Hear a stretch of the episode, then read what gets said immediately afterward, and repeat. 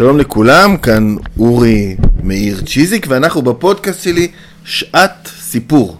פודקאסט בו אני מביא בכל פרק טקסט אחד מהספרייה שלי, הספרייה של המרכז להנהגת הבריאות, מספר עליו ומקריא אותו. אנחנו היום בפרק ה-15, וואו, 15 פרקים, ובו אנחנו נעשה משהו מיוחד, אנחנו נקריא סעיף מאחד מתקני המזון. מי שמכיר את הפעילות שלי יודע שאני חבר בוועדה המרכזית לתקנון מזון ומוצריו במכון התקנים. אפשר לקרוא באתר שלי, בבלוג, על כל ההרפתקאות שלי בוועדה לתקנון מזון ומוצריו, ובוועדה לתקנון קמח ומוצריו, ובזמנו גם בוועדה לחלב. ומה שאני רוצה להקריא לכם היום, אני, אני רק יכין אתכם, התקנים שמייצר מכון התקנים בתחום של המזון, למרות שזה גם, גם בתחומים אחרים, מאוד מאוד משפיעים על חיינו. התקנים האלה הם תקנים מאוד משמעותיים, כמעט כל דבר שאנחנו עושים מושפע מאותם תקנים שקובעים איך ייצרו, החל מהכיסא שאתם יושבים עליו, ובתחומי המזון כמובן כל מוצר מזון שאנחנו אה, מכירים. לכן הפעילות של מכון התקנים היא מאוד חשובה, צריך לציין, ואם תקראו בחומרים שכתבתי על זה בעבר, אה, אה, תוכלו לראות את זה בבירור, שמי ששולט במכון התקנים ובתקנון היא כמובן אה, התעשייה, ולא האינטרס הציבורי, ולכן התקנים בדרך כלל יתאימו לאינטרס אה, של התעשייה.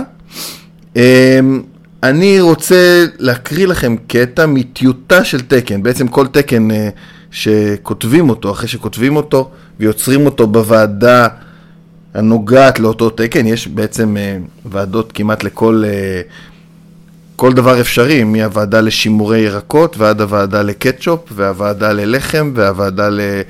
אה, לא יודע, לסוכריות וכולי וכולי וכולי.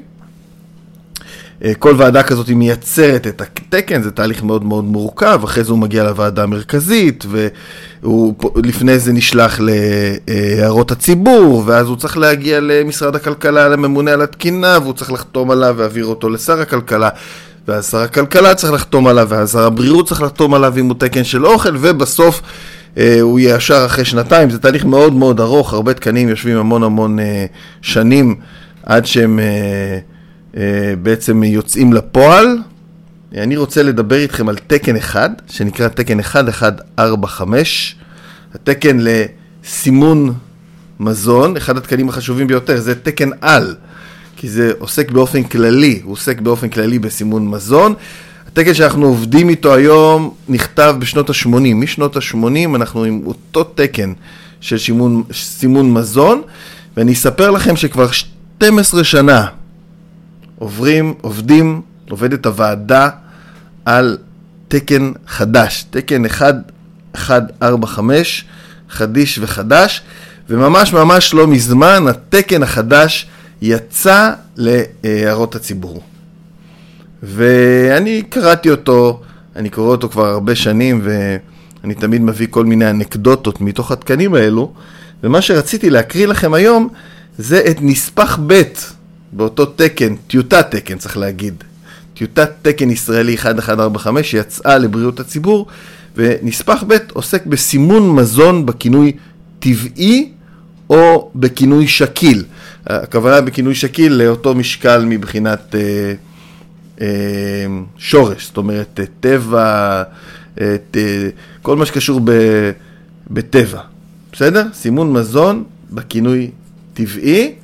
אני אקריא קצת את הטקסט שבא לפני, ואז אני אתן את התהליכים שאפשר לעשות, ועדיין אפשר לקרוא לאותו מזון אה, טבעי. אז בואו נתחיל, אני אסביר אה, תוך כדי. אה, הנספח מתחיל בהערות שהוא אינו חל על מים מינרליים ועל מי שתייה, וסימון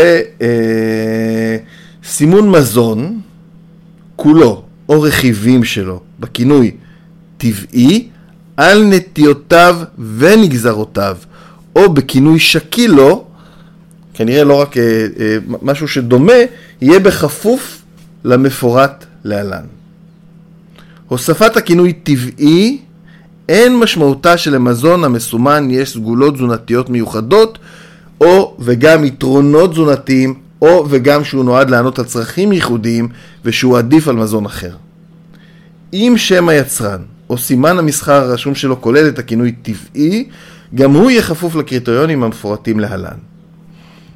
עכשיו, אלו הקריטריונים בעצם.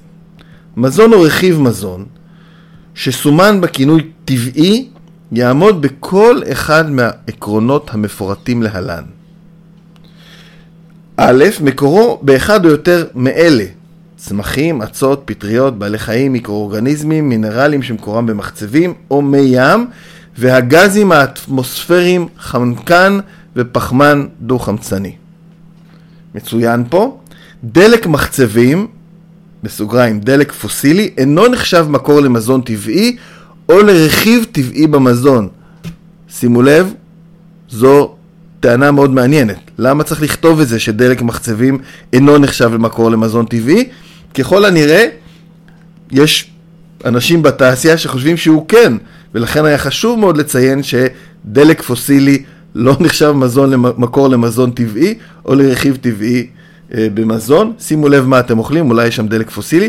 האמת שאנחנו יודעים שיש שם דלק פוסילי. יש שם, אה, בהרבה מהמזון שאנחנו אוכלים, משתמשים בחומר כמסייע ייצור, בחומר שנקרא אקסן, שהוא תוצר של אה, בנזן, של נפט.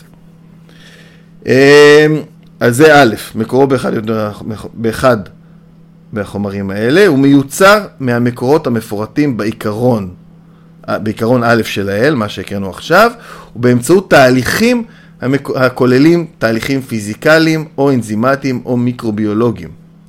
למרות האמור לעיל, תהליכים אנזימטיים ואו מיקרוביולוגיים לא ישמשו במכוון להפק, להפקת חומרים שאינם מצויים בטבע. סימון מוצר מזון כולו בכינוי טבעי.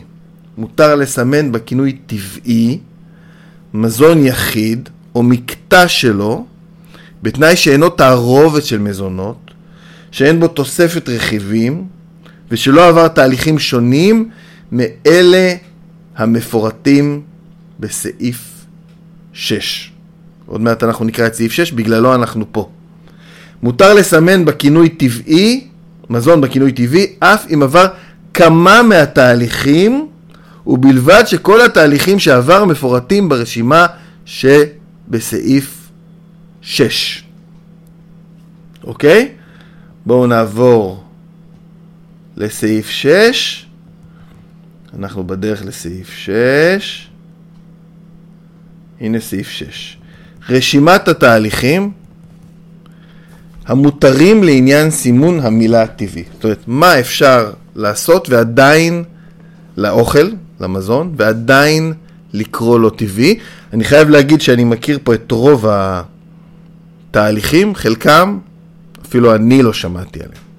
אני אגיד מראש, זה מסודר לפי סדר א'-ב', ויש פה 50 ו...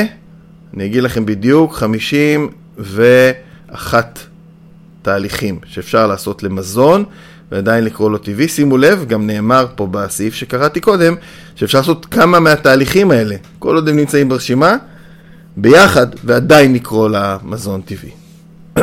אז אנחנו מתחילים בהתחלה. עיבור. אוקיי? כנראה שמדובר בלהכניס אוויר. אה, אריזה בנוכחות גזים המותרים לשימוש במזון. זאת אומרת, אריזה באטמוספירה מבוקרת ואריזה באטמוספירה מוסגלת.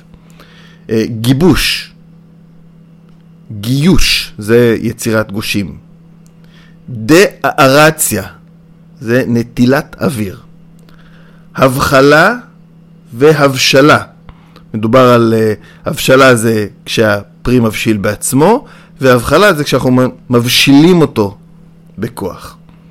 המגון, uh, בעצם המגון זה תהליך שבו יורים את הנוזל בלחץ גבוה דרך uh, חור מיקרוסקופי, ככה שהמולקולות יישברו בצורה כזאת שהם לא יוכלו להיפגש, להתחבר שוב, וככה יוצא uh, נוזל הומוגני.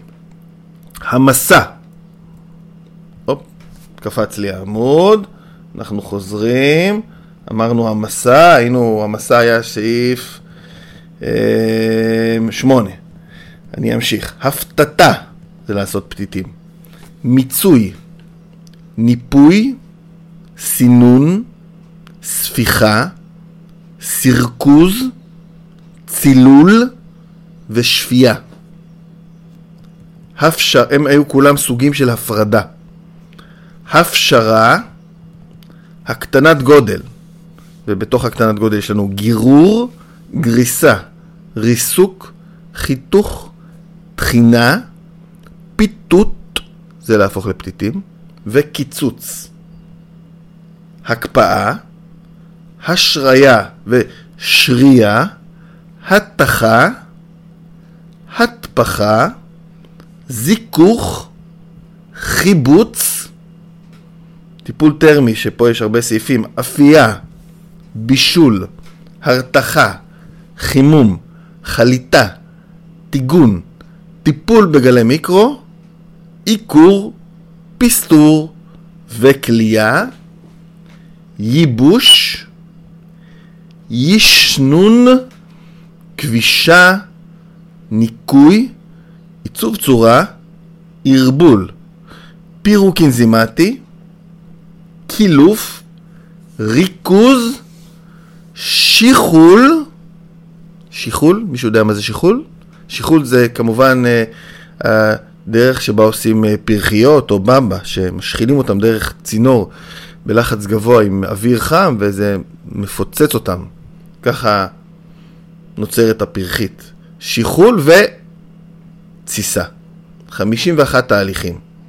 פעם חשבתי שאחד הדברים המעניינים לעשות הוא לנסות לעשות את, לקחת חומר, נגיד מלפפון, ולעשות לו את כל התהליכים, לעוור אותו, לגבש אותו, לגייש אותו, להבשיל אותו, להבחיל אותו, לאמגן אותו, להעמיס אותו, להפתית אותו, למצות אותו, לנפות אותו, לסנן אותו, לספוח אותו, לסרכז אותו, להצליל אותו, לשפוט אותו, לגרר אותו, לגרוס אותו, לרסק אותו, לחתוך אותו, לטחון אותו, לפתט אותו, לקצוץ אותו, להקפיא אותו, להשרות אותו, לשרות אותו, להתיך אותו, להטפיח אותו, לזכך אותו, לחבץ אותו, לאפות אותו, לבשל אותו, להרתיח אותו, לחמם אותו, לחלוט אותו, לטגן אותו, לטפל בו בגלי מיקרו, לעקר אותו, לפסטר אותו, לקלוט אותו, לייבש אותו, לישנן אותו, לכבוש אותו, לנקות אותו, לעצב אותו, לערבל אותו, לפרק אותו, לקלף אותו, לרכז אותו, לשחל אותו ולהתסיס אותו. מעניין מה יצא? מה שבטוח, אחרי שנעשה את כל התהליכים האלה, אנחנו עדיין, על פי התקן, נוכל לקרוא לו אה, טבעי. אז זה נספח ב' מסעיף, אה, מ... מתקן אה, ישראלי 1145 מהטיוטה שלו, שכנראה תעבור, היא עכשיו נמצאת בהערות הציבור. אה, זה אני מקווה נתן לכם אה, טעימה קטנה מהפעילות של אה, מכון התקנים. אה, זהו, סיימנו, אני מזמין אתכם לעקוב אחרי הפודקאסט שלי וגם לעקוב אחריי ואחרי הפעילות של המרכז להנהגת הבריאות, גם ברשתות החברתיות וגם באתרים שלנו. אני אורי מאיר צ'יזיק ואנחנו ניפגש בפרק Habba.